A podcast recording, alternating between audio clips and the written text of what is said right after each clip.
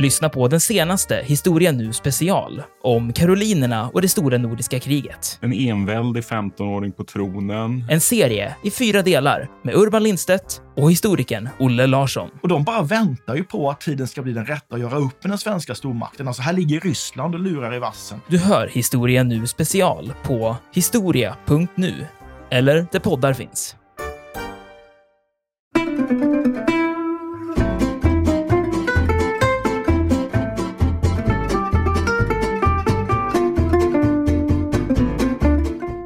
Har ju tur, för hans agerande under det här slaget skulle lika gärna kunna sluta i en katastrof. Och eh, skillnaden mellan hans far och hans son och honom själv är ju att medan fadern och sonen var lysande taktiker på slagfältet så var Karl XI, om man vill vara snäll, ganska så medioker. Till exempel så lämnar han ju sina trupper mitt under striden för att i spetsen för en ryttarstyrka förfölja en retirerande dansk eh, styrka.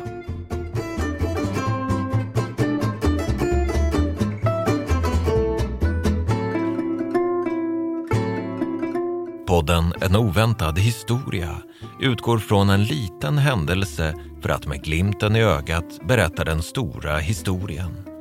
Programledare är historikerna Olle Larsson och Andreas Marklund.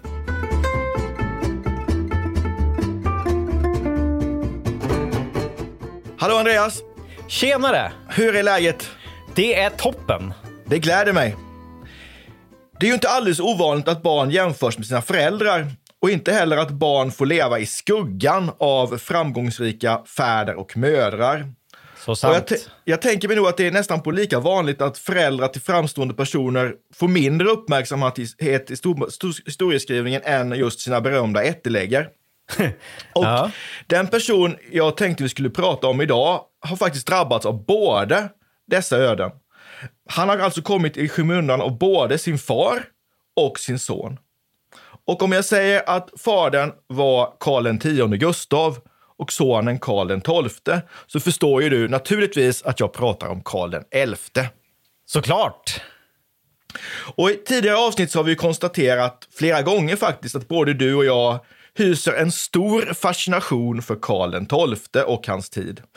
Och Därför vill jag börja med att fråga dig vad du har för relation till hans pappa. Alltså, vilka associationer väcker namnet Karl den XI hos dig? Ja, men alltså pappan är ju också otroligt fascinerande.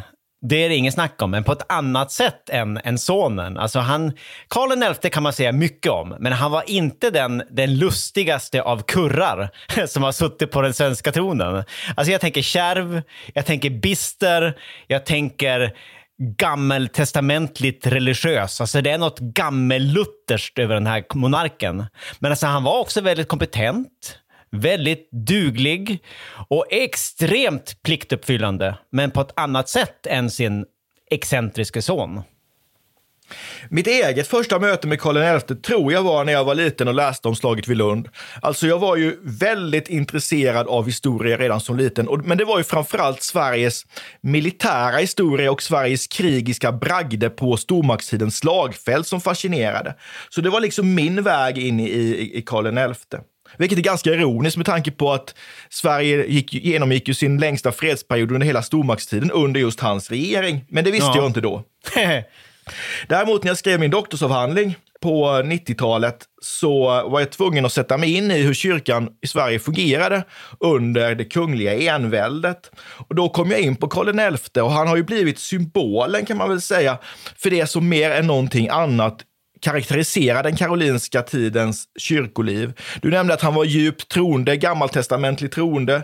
Och han är ju också den som kan man väl säga skapar ordning i det svenska kyrkolivet i Sverige, framförallt under 1680-talet, där han driver igenom 1686 års kyrkolag. Och han, i sin person så förkroppsligar han ju de här tre begreppen som man oftast brukar sammanfattande säga att det här är Sverige under stormaktstiden. Det är teokrati, en kung av Guds nåde. Det är ortodoxi, stränga krav på ren, religiös renlärighet och uniformitet. Allt ska se likadant ut. Mm, sagt, så det är mycket Karl XI för mig faktiskt. Ingen lustigkurre eller muntergök. Ingen lustigkurre, men en mycket skicklig kung får man faktiskt säga. Men det ska vi återkomma till. Men jag tänker mig att vi ska ge oss tillbaka till den plats och den tid som gjorde mig intresserad av Karl XI från början. Nämligen den 4 december 1676.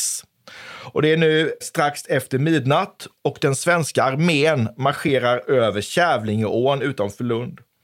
Och den starka kylan har då äntligen gjort att isen lagt sig och att den håller för att transportera över fotsoldater, ryttare och artilleripjäser. Och det kan ju vara så många som 8000 man som tar sig över det frusna vattnet under de här tidiga morgontimmarna. Och bland de här männen så finns då den 21-årige kungen Karl XI. Och han vet att han i den här stunden bara har två alternativ. Att vända om med hela armén, gå tillbaka över gamla riksgränsen upp i Sverige och därmed riskera att Skåne, som har invaderats av danskarna, att hela landskapet går förlorat. Eller att söka upp fienden för en avgörande strid. Och han väljer det sistnämnda. Och i ett brev till sin mor, enkedrottningen Hedvig Eleonora, så skriver han att det nu handlade om att segra eller dö. Det är oerhört mm. dramatiskt. Verkligen.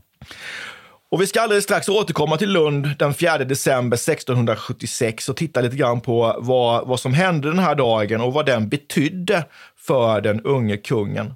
Men jag tänker mig att vi först ska försöka säga några ord om vem han var. Vem var han som person? Vad fick han för utbildning? Vilka var hans föräldrar? Mm.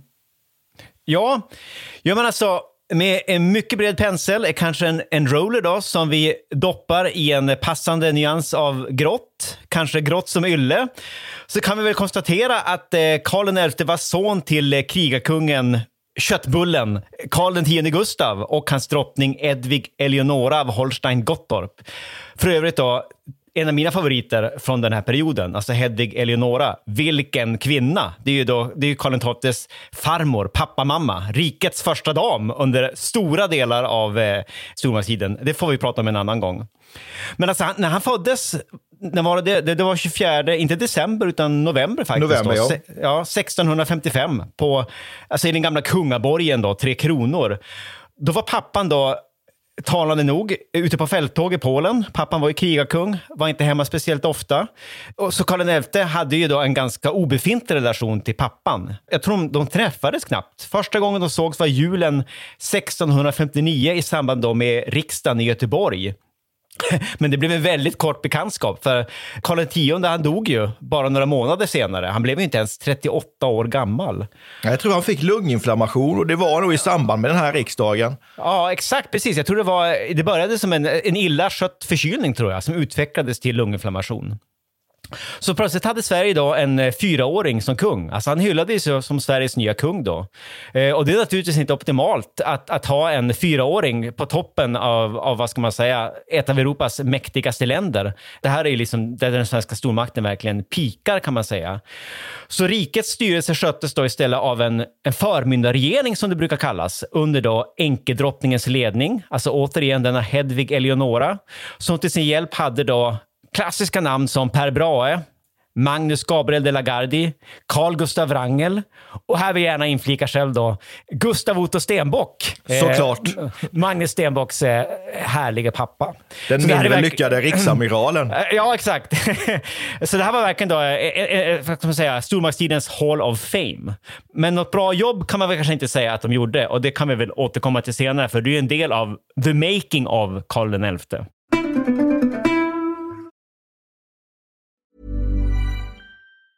Everyone knows therapy is great for solving problems, but getting therapy has its own problems too, like finding the right therapist, fitting into their schedule, and of course, the cost. Well, BetterHelp can solve those problems. It's totally online and built around your schedule. It's surprisingly affordable too. Connect with a credentialed therapist by phone, video, or online chat, all from the comfort of your home. Visit betterhelp.com to learn more and save 10% on your first month. That's BetterHelp, H E L P. Here's a cool fact a crocodile can't stick out its tongue. Another cool fact you can get short term health insurance for a month or just under a year in some states. United Healthcare short term insurance plans are designed for people who are between jobs, coming off their parents' plan, or turning a side hustle into a full time gig. Underwritten by Golden Rule Insurance Company, they offer flexible, budget friendly coverage with access to a nationwide network of doctors and hospitals. Get more cool facts about United Healthcare short term plans at uh1.com. There's never been a faster or easier way to start your weight loss journey than with PlushCare. PlushCare accepts most insurance plans and gives you online access to board-certified physicians who can prescribe FDA-approved weight loss medications like Wigovi and Zepbound for those who qualify. Take charge of your health and speak with a board-certified physician about a weight loss plan that's right for you. Get started today at plushcare.com slash weight loss. That's plushcare.com slash weight loss. plushcare.com slash weight loss.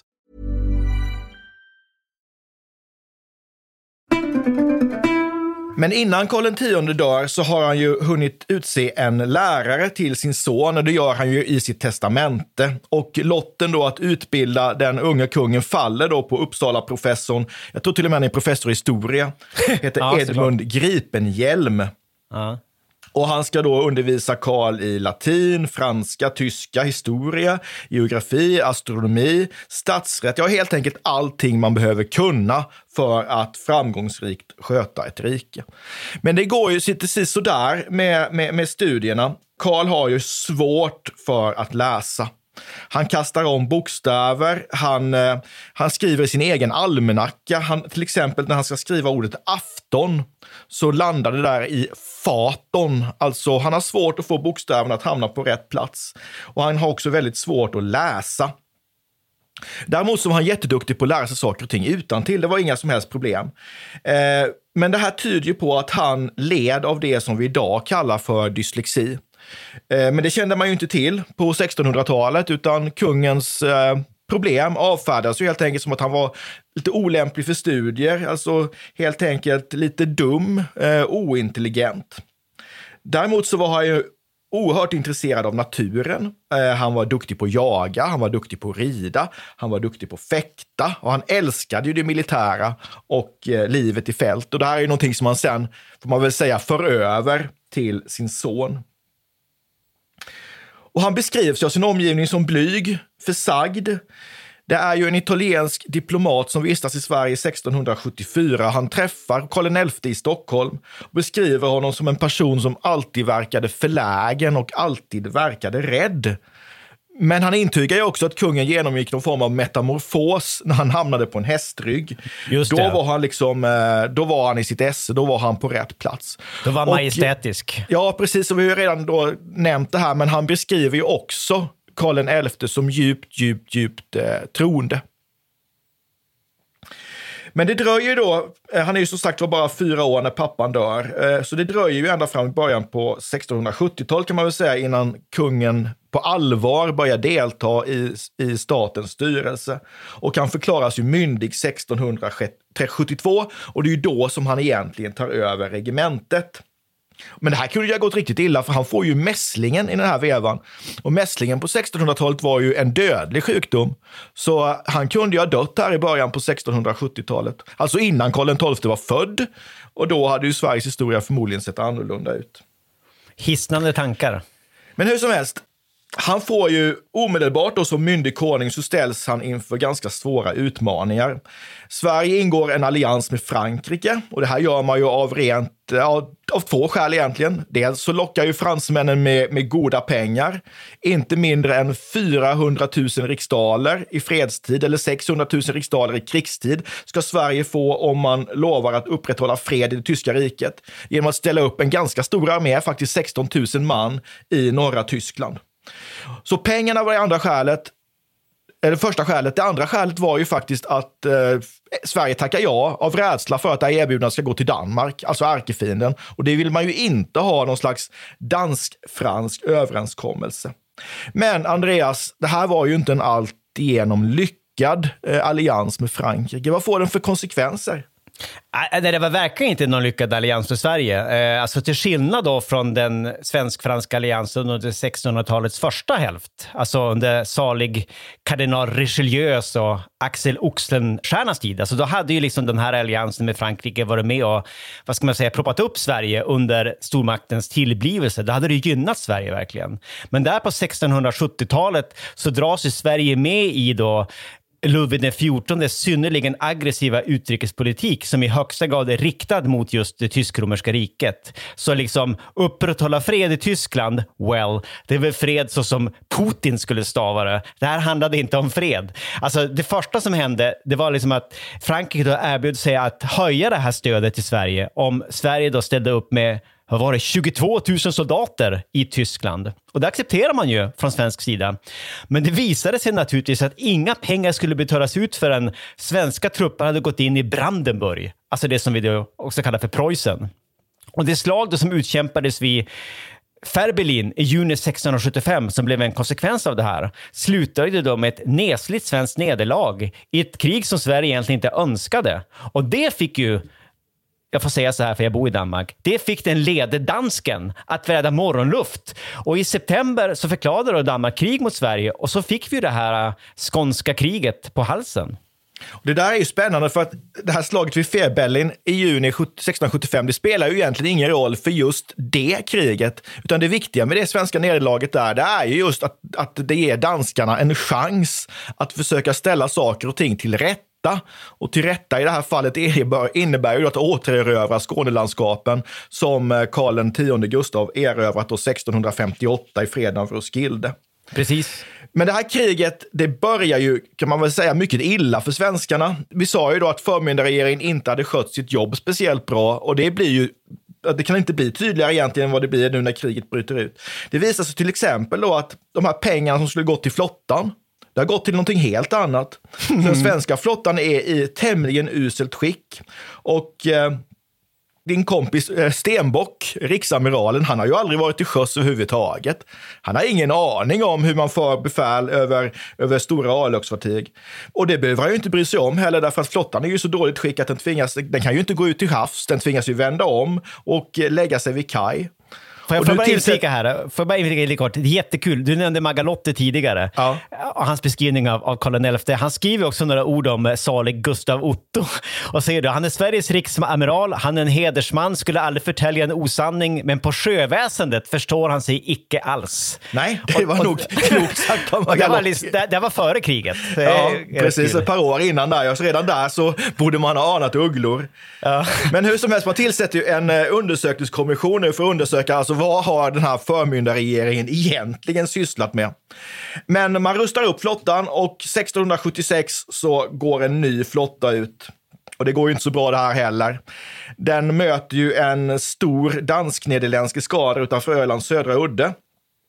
Och eh, det här blir ju en sjömilitär katastrof för Sverige, vilket beror på dålig befälsföring. Framför allt det den nya riksamiralen då som har ersatt Stenbock, han heter Lorenz Kreutz. Han har heller inte någon större sjövana för att uttrycka det milt. Han har ju liksom varit med och suttit i kungliga kommissioner och sådär, vet inte heller det här. Och den danska flottan och, eh, leds ju av två stycken mycket rutinerade amiraler, nämligen Nils Juel och Cornelius Tromp. Och de tittar ju bara på, på, på Lorenz Kreuz flaggskepp Kronan och ser hur det agerar och undrar bara, va? Vad håller han på med? Ska han verkligen vända upp mot vinden? Ja, det gör han ju med känt resultat. Kronan exploderar och går till botten. Egentligen utan att ett enda skott har avlossats. Och jag tror också att det är någon av de här, om det är Nils Juel eller Cornelius Tromp, som beskriver de svenska sjömännen ganska nedsättande. Han talar om dem som bondpojkar doppade i saltvatten. Ja, slagkraftig dansk formulering. Precis. Så han var, de var inte speciellt imponerade av den svenska flottan. Men vad hände sen nu, Andreas, på, på, på sommaren 1676 efter den där flottans nederlag? Ja, här har vi då många paralleller det som, till det som hände då i eh, det här avsnittet där vi pratade om slaget vid Helsingborg 1710. För sommaren då 1676 så landstiger då en dansk armé först vid Ystad som erövras, men huvudstyrkan landsätts då vid Rå och Helsingborg, alltså precis som då under stora kriget. Och så intogs då Helsingborg, Landskrona och Ängelholm av danskarna. Och de svenska trupperna då under ledning av Karl XI, de tvingades dra sig tillbaka. Men sen vänder den svenska krigslyckan ganska snabbt när en svensk armé lyckas besegra en dansk styrka då vid Halmstad. Och sen står då det här slaget vid Kävlingeån i november samma år. Och här kommer vi tillbaka då till den här scenen som du började med. Va? Så nu, nu hamnar vi i faggorna av det berömda slaget vid Lund. Precis. Och eh, den svenska hären går som sagt var över isen vid Kävlingeån 1676 och drabbar samman med den danska armén i ett slag som har gått till historien just som slaget vid Lund. Och den här drabbningen anses ju vara den blodigaste i nordisk historia. Och det här blir ju en stor framgång för svenskarna och inte minst då för Karl XI personligen. Och han betraktar ju den här segern vid Lund som ett av de absolut största ögonblicken i sitt liv och han firar årsdagen av det här, den här drabbningen så länge han, han lever. Eller firar han högtidlighåller, det kanske är ett bättre, bättre mm. valt ord. Ja, det tror jag. Eh, och han spelar ju själv en väldigt viktig roll här, men han är ju, man skulle kunna säga så här, han har ju tur för hans agerande under det här slaget skulle lika gärna kunna sluta till en katastrof. Och eh, skillnaden mellan hans far och hans son och honom själv är ju att medan fadern och sonen var lysande taktiker på slagfältet så var Karl XI, om man vill vara snäll, ganska så medioker. Till exempel så lämnar han ju sina trupper mitt under striden för att i spetsen för en ryttarstyrka förfölja en retirerande dansk eh, styrka. Alltså han försvinner från slagfältet, men han har tur, han hinner återvända i tid, han tar sig fram till de svenska trupperna igen. Och här är det så att de svenska trupperna får mer eller mindre en vitamininjektion av att se Karl XI återvända. Ibland oss. Ja. Precis, kungen är ibland oss och det här är, viktigt för den svenska segern. Men det där är lustigt egentligen, för det får en ju att tänka på den här uh, Jörgen Rantzau, den där danska befälhavaren som försvann iväg under slaget vid Helsingborg. Alltså, kommer du ihåg det? Den här ja, sluggen. Precis, absolut. Det är som adrenalinet tar över. Ja, och det är Vil som att eh, för Karl XI lyckades detta, men för Rantzau blev det en katastrof. Precis, så hade det kunnat sluta ja. i Lund också, 1676. Hade Karl XI stupat så vet man ju inte hur det hade gått. Nej, då hade kanske ja, Skåne fortfarande varit, eller blivit danskt ja. igen.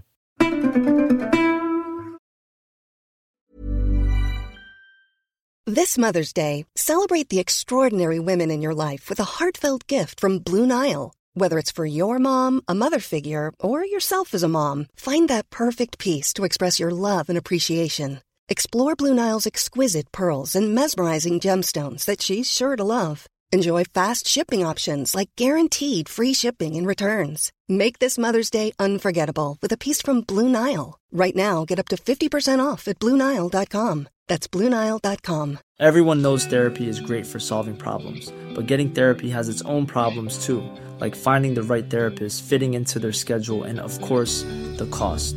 Well, BetterHelp can solve those problems. It's totally online and built around your schedule. It's surprisingly affordable too. Connect with a credentialed therapist by phone, video, or online chat, all from the comfort of your home. Visit betterhelp.com to learn more and save 10% on your first month. That's BetterHelp, H E L P. Life is full of awesome what ifs, and some not so much, like unexpected medical costs. That's why United Healthcare provides Health Protector Guard fixed indemnity insurance plans to supplement your primary plan and help manage out of pocket costs. Learn more at uh1.com.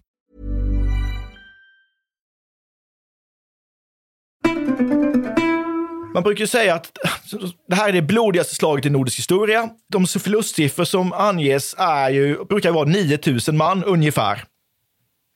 Och det här innebär ju då att stämmer 9000 man så är det ju hälften av alla som deltar i slaget som, som, som stupar. Och det här är ju mycket högre förlustsiffror än till och med slaget vid Gettysburg under amerikanska inbördeskriget. Och det finns ju då historiker som eh, ifrågasätter just själva dödssiffrorna. För det man har egentligen det är uppgifter om antalet begravda efter slaget. Och då finns det ju de som menar att förmodligen så avser de här, de här siffrorna även sådana som har dött i, i sjukdomar, av skador eller olyckor både före och efter slaget och de som har dödats under själva drabbningen. Men det handlar i alla fall om en otrolig människospillan på väldigt kort tid. Och som sagt, icke desto mindre, det här slaget blir en triumf för Karl XI. Sen pågår ju kriget fram till 1679. Det slutar ju eh, i princip helt utan landavträdelse för Sverige. Den danska armén lämnar Skåne. Freden dikteras ju faktiskt av Ludvig den XIV. Och det är ju han som ser till att Sverige bara tvingas till lite mindre landavträdelser i, eh, i norra Tyskland. Men det här sker ju över Karl XIs huvud och han är ju inte nöjd med detta. Han ser ju det här som en kränkning från den franske kungen. Och det här är väl egentligen slutet på alliansen mellan Frankrike och Sverige. som sagt, kungen går segrande ur kriget och det är som att han förändras av det här, att han får ett annat självförtroende, han börjar uppträda mer självsäkert än tidigare. Och nu när kriget är över så är det ju hög tid för honom att ställa förmyndarregeringen till ansvar för det som de har åstadkommit. Och han behöver ju också eh, reformera landet. Mm. Vad gör Karl XI nu, Andreas? Ja, nu jädrar Olle, nu blir det räfst och rättarting. Alltså nu kommer den där kärvheten fram i full utblomning. Men alltså vi kan ju börja med att konstatera det här med, som du nämnde i början, att nu, nu kommer vi in i den här fredsperioden. Alltså nu inleds, det är den längsta fredsperioden vi har under stormaktstiden, 20 år av fred. Det varar fram till ja, Stora Nordiska krigets utbrott under vårvintern år 1700. Och det är faktiskt i ett historiskt perspektiv ganska anmärkningsvärt. För att under stormaktstiden i övrigt så var det ju kriget och inte freden som var normaltillståndet. Men alltså det var ju tydligt då efter förmyndartiden och inte minst efter det här skånska kriget att eh, Sveriges finanser behövde förbättras. De befann sig i ganska uselt skick. Så vid riksdagen 1680 la Karl XI fram ett förslag om en så kallad reduktion som, eh, vad ska man säga, kort återberättat innebar att man skulle då dra in en massa adliga gods, eller alltså adelsjord till svenska kronan, till staten. I början av 1600-talet så var det väl ungefär två tredjedelar av all jord i Sverige tillhörde adeln. Efter det här, efter Karl XIs reformer, så var det bara en tredjedel som var i adlig ägo och resten tillhörde då kronan eller, eller, eller, eller bönderna. Men alltså, kort vad det handlade om rent tekniskt. Man drog in alla donationer då till adeln från de utrikes provinserna, svenska Baltikum till exempel, till kronan. Man avskaffade den så kallade grev och friherreskapen och alla donationer som avkastade mer än 600 daler drogs också in till kronan. Och det här, alla de här ganska långtgående förslagen fick ju Karl XI alltså, de ofrälse ståndens stöd till, alltså i riksdagen, för det fanns ju stort missnöje ibland, inte minst bönder, men också bland eh, övriga icke-adliga mot, mot adeln som hade liksom under förmyndartiden hade de ju liksom verkligen levt i sus och dus. Så redaktionen slog väldigt hårt mot högadeln, medan lågadeln, ja, den skonades väl i princip. Och sen blev det den här räfsten då, mot förmyndarregeringen. Och det var ju de som drabbades hårdast av alltihopa. Alltså de fick ju betala det vi nog skulle kalla för skadestånd idag. Va? Alltså värst blev det naturligtvis för självaste rikskanslern Magnus Gabriel de la Gardie. Han förlorade gods och gårdar och tvingades betala då 400 daler i silvermynt till kronan. Och även Gustav Otto drabbades ju ganska illa. Han blev annat av med sin fina, vad var det, guldbroderade sammetsrock som han brukade ha på sig på söndagarna och massa, massa gods. Alltså det gick illa för alla de här medlemmarna. De hamnade verkligen i, eh, vad ska man säga, i, i, i onåd. De vanärades. Ja, det tror jag är ganska viktigt att, att, att, att, lyfta fram just det här med vanäran. Det var ju inte bara så att det sved rejält i den högadliga plånboken. Det sved också rejält i det högadliga hjärtat, därför att det här var ju en kränkning av äran. Och äran hos adelsmännen på 1600-talet var av oerhört stor betydelse. Absolut. Inte minst för unge Magnus Stenbock. Och, och, och, precis, och inte minst för Magnus Gabriel de Lagardi som var alldeles förtvivlad över behandlingen av, av honom själv. Han var ju dessutom gift med Karl XIs faster, Maria Efrosyne, men det hjälper ju inte. Alltså som sagt var, Karl XI har, han är, han är en hårding. Här spelar inga, inga personliga band någon roll, utan har man gjort illa så ska man få, få smaka käppen så att säga. Och Magnus Gabriel de Gardis syster var faktiskt då Magnus Stenbocks mamma. Så. Ja, allt hänger ihop. Allting hängde ihop. Ja. Men sen så förlorar ju också högadeln eh, den, det, den polit, det politiska inflytande det har haft väldigt, väldigt länge eftersom Karl XI förvandlar sig till, till enväldig. Eh, och det är ju här i början på 1680-talet. Så riksrådet förlorar helt och hållet sin makt och kungen kan ju nu helt och hållet styra utan att behöva lyssna på deras råd. Och man brukar ju säga att 1682 är det år då det karolinska enväldet i Sverige införs och, och når sin fullbordan, även om det sker i, i, i några steg. Men så gör han ju någonting annat också som blir väldigt viktigt inför framtiden. Alltså han genomför ju en mycket viktig militär reform. Problemet för Sverige har ju varit det här med att man var tvungen att ta ut folk genom utskrivningar under alla dessa krig under stormaktstiden. Och utskrivningar var synnerligen impopulära. Folk visste naturligtvis att dödligheten i fält var oerhört hög och att bli utskriven som knäckt var, kunde vara lika med en dödsdom. Så när de här utskrivningskommissionerna kommer så försöker folk ta sig därifrån, man stympar sig, man rymmer. Man behöver helt enkelt ett nytt sätt att rekrytera folk till krigsmakten på. Så Andreas, vad blir lösningen på detta? För det här är ju synnerligen finurligt. Ja, det är det verkligen. Ja, men det, är nu, det är nu vi får det här äh, indelningsverket, eh, rotesoldaterna. Det är ju alltså ett delvis nytt system. Alltså det hade experimenterats lite med det här tidigare. Men alltså nu kommer det ut i full utblomning under, under Karl XI. Alltså man, det var ett nytt system för rekrytering av soldater till krigsmakten som gick ut på att bönderna gick samman då i enheter, ekonomiska enheter som man kallade för rotar, som skulle ställa upp och försörja en soldat eller en båtsman, alltså en slags alltså matros då, i, i krigsflottan. Och den här individen skulle då förses med ett torp, en bit mark, lite utsäde och kanske lite kreatur. Och tanken var då att han skulle försörja sig med jordbruk, alltså agera som en bonde helt enkelt, en torpare, när han inte var ute i fält. Och motsvarande då inom kavalleriet så satte man igång ett system där man då rekryterade så kallade rusthållare bland de mer välbärgade bönderna som ställde häst och ryttare till kronans förfogande och som då i ersättning fick, fick skattefrihet av, av staten.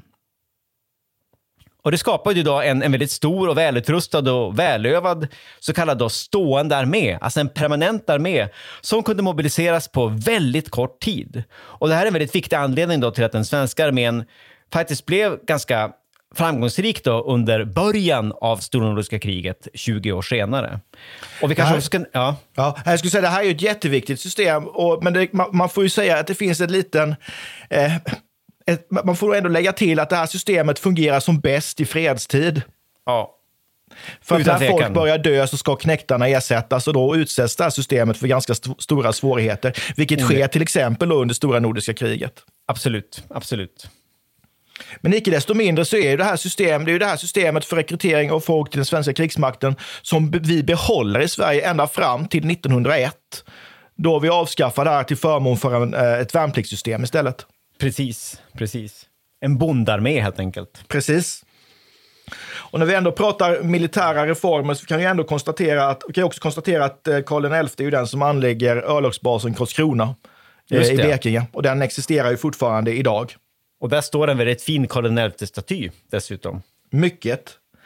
Och när vi ändå talar om han, Karl XI och eh, vad han gör på det militära området så kan vi väl passa på att avfärda en, en klassisk myt, nämligen berättelsen om att Karl XI ska ha försökt sätta upp ett kavalleri bestående av älgar att man skulle haft något älghägn ute på Kungsör och där försökt träna älgarna i kavalleristrid med mycket, mycket, mycket, mycket, mycket begränsad eh, framgång.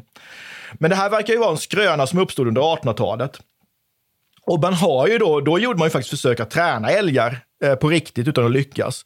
Och det här berodde ju på att det fanns en föreställning om att hästar var livrädda för älgar. Då kan man ju naturligtvis tänka sig, de var ju som hästar fast med ohyggliga horn på huvudet. Mm. Och tanken var ju då att ett kavalleriförband som hade, var beridet med älgar skulle kunna skrämma vettet ur de här vanliga häst, hästburna ryttarna och inte minst deras hästar. Då. Men det här är ju alltså en, en myt. Ja, och, äh, ännu ett dåligt tecken är liksom att jag har typ samma historia om eh, Gustav II Adolf. Att han ska försöka använda sig av älgryttare under 30-åriga kriget. Eh, men alltså, grejen är väl den att älgar har för svaga ryggar va, för att kunna bära en, en ryttare. Det är ett av problemen, är det inte så? Jo, och jag tror ju att de är väldigt rädda för, för rörelse. Det var ju inte helt lätt. De svenska kavallerihästarna fick ju gå igenom en ganska rigorös träning innan man kunde använda dem. De skulle lära sig tåla trumljud, trumpeter, kanonskott, eld, rök, fladdrande fanor och det, det pallade äl, äl, älgarnas nerver helt enkelt inte med. det fungerar inte. Svårt att stridsträna en älg med andra ord. Helt klart så. Men vi kan ju konstatera då att Karl XI bygger ju faktiskt upp en modern svensk förvaltning, alltså den centraliseras ju. Han inleder försvenskningen av Skånelandskapen med framgång får man säga. Han skapar, som jag nämnde i början, in, alltså, enhetlighet i kyrkolivet med kyrkolagen från 1686. Vi kanske också ska nämna att det var under Karl XI som de här stora trolldomsprocesserna i Sverige ägde rum, men det tycker jag vi ska ägna ett särskilt avsnitt åt, för det är så pass intressant i sig. Men när vi ändå talar om, om att avliva myter, alltså Karl XI var ju inte bara segraren från Lund och den här administrativa giganten som moderniserade Sverige och den svenska förvaltningen. Han var ju också make och far, det ska vi återkomma till. Men han är ju känd som Gråkappan, alltså en kung som eh, ska ha rest inkognito genom sitt rike för att ställa saker och ting till rätta till eh, undersåtarnas eh, väl. Finns det någon sanning i den här berättelsen, Andreas? Eh, jo, alltså det finns ett korn av sanning i det där i alla fall. Alltså, huruvida han verkligen var gråklädd, det kan ju diskuteras. Det med att han liksom reste inkognito. Det finns ju tusentals berättelser om andra potentater, eh, kungar och kejsare och kalifer som ska ha gjort liknande grejer. Alltså klätt sig i vanliga människors paltor för att liksom kolla hur folk, undersåtarna hade det. det. Det tror jag i hög grad är en myt att det, att det pågick på just det sättet. Men det är ju ett faktum att han reste omkring konstant i riket, alltså efter att han hade infört enväldet. Han var ju som sagt väldigt pliktuppfyllande, så han reste runt eh, och såg till så att hans kungliga order blev åtlydda. Han exercerade trupper, han eh, kollade sina fogdar, bekämpade korruption och så vidare. och Så vidare. Så jag tror faktiskt att han, han var nog mer synlig för vanligt folk än många andra svenska kungar på grund av de här konstanta resorna. De naturligtvis kom med ett stort följe, så han var absolut inte inkognito, men han var synlig. Och jag har ju då en, en anfader uppe i, eh, i Norrland, i Övikstrakten strax eh, söder om Umeå, alltså Örnsköldsvik, som då hette Nils Andersson, som på 1690-talet ska ha mött Karl XI på någon bro och framfört klagomål över de leda människorna i Junsele och även har bett om Karl XIs beskydd mot Junseleborna. Hur det slutade det vet jag inte, men det är något man pratar om i släkten. Det är rätt roligt att veta vad det var Ljungseleborna hade gjort för att, för att din släkting skulle behöva kungligt beskydd. Det tycker Gå jag du ska forska om vid tillfälle. Ja, det, det, måste jag skriva en bok om, det känner jag. Ja, Ondskan i Ljungsele, där har du titeln. ja, ja, exakt. det kan bli hur stort som helst. Jag känner, ja, det känns bra. ja. Men låt oss övergå till, till Karl XIs familjeliv. Alltså han var, han var gift med en dansk eh, prinsessa, Ulrika Eleonora. De gifte sig på Skottorps slott. Vad vet vi om deras förhållanden? Ja, men alltså till att börja med så var det ju då ett klassiskt kungligt tvångsäktenskap naturligtvis. Och de var ju väldigt olika som personer. Alltså kungen, han var intresserad av jakt och ridning och var absolut inte särskilt boklig. Men det var ju drottningen. Hon hade ju väldigt intellektuella intressen och älskade att, att läsa och ta det lugnt. Dessutom var han ganska sjuklig och tyckte inte om att följa med kungen på alla de här ritterna och resorna runt om i riket. Men det verkar faktiskt som de, som de var ganska lyckliga tillsammans, som de faktiskt blev fästa vid varandra. Till skillnad från många andra kungliga äktenskap under den här tiden. Jag har inte hittat någonting som tyder på att Karl XI skulle ha haft frillor eller älskarinnor eller någonting sånt. Så det, det, jag tror det var ett ganska lyckligt kungligt äktenskap, men hon blev ju svårt sjuk 1693. Och då var kungen då ständigt vid hennes sida.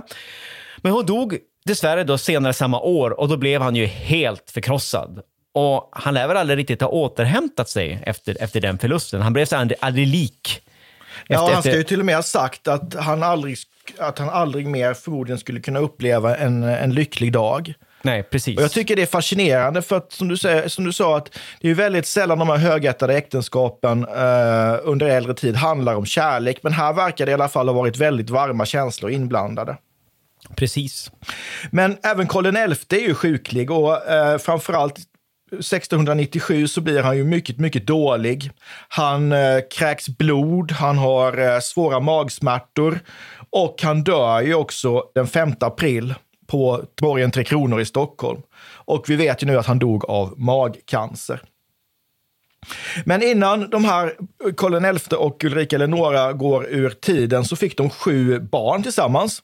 Och ett av de här barnen var ju den blivande krigarkungen och precis som pappan Edsvårdshärskaren Karl XII. Så Karl XI lever ju alltså mellan sin krigiske far och sin lika krigiske son. Och jag tycker att det ibland känns som att Karl XI hamnat lite i skuggan av de båda, i alla fall vad det gäller den populära historieskrivningen, alltså eh, den som når en större allmänhet. Så Andreas, avslutningsvis, håller du med mig om, om att det här är Karl XIs öde? Eller vad, mm. vad tror du i så fall det kan bero på? Ja, eh, men jag, jag håller med, eh, fast jag tycker att det är lite, lite både och. Alltså, det är inget snack om att det finns inte alls lika mycket skrivet om Karl XI som om de andra två kararna. Och det gäller då inte minst inom eh, populärhistorien. Alltså, man kan ju bara köra en enkel Google-sökning så blir det ganska uppenbart. Men som jag kommer ihåg då min barndom så var det faktiskt ganska mycket om Karl XI i skolböckerna under 80-talet. Alltså mycket mer om snubbar som Karl XI och Magnus Ladulås än, än krigarkungarna. Och det tror jag delvis handlade om att det var lättare att få ihop dem i, vad ska man säga, med då det här socialdemokratiska historienarrativet som dominerade under den perioden då jag var barn. Alltså det här med, alltså i övrigt så handlar de här läroböckerna ganska mycket om du vet, den industriella revolutionen, storstrejken 1909, kampen mot sociala orättvisor, demokratins genombrott. I den berättelsen fanns det inte riktigt plats för krigarkungar. Men Karl XI med ja, gråkappemyten och allt det där gick att klämma in. Så helt okänd är han nog inte, åtminstone för min generation av svenskar. Nej, men jag delar den bilden, för vi är ungefär lika gamla du och jag. Jag har också gått i skola då på 80-talet. Och det är väl så jag minns läroböckerna också. Men jag, eh, så att, på det sättet, ja. Men jag tänker just i den populära historieskrivningen så känns det ändå som att han har fått egentligen mindre uppmärksamhet än vad han egentligen förtjänar. Och jag tänker mig ibland att det beror på att det finns en fascination för just Sveriges krigiska förflutna. Det var ju det som jag själv, som gjorde att jag själv blev intresserad av historia en gång. Och det är klart att det finns mycket mer dramaturgi och kraft i liksom de svenska er- erövringskrigen på 1650-talet, stormaktens dramatiska undergång under Karl XII under 1700-talets första decennier än att man bygger upp liksom en, en modern förvaltning. Det är inte lika dramaturgiskt tacksamt om man säger Nej. så. Så det kan ju vara en förklaring. Förmodligen, förmodligen. Hörde Andreas, det här var trevligt. Detsamma, det var jättekul. Ska vi runda där? Det gör vi. Vi ses. Tack för idag, ha det bra. Hej! Hej, hej, hej. Vi tackar programledarna Olle Larsson och Andreas Marklund. Kontakta gärna Olle och Andreas på ovantad@historia.nu. Vi läser allt, men hinner kanske inte alltid svara.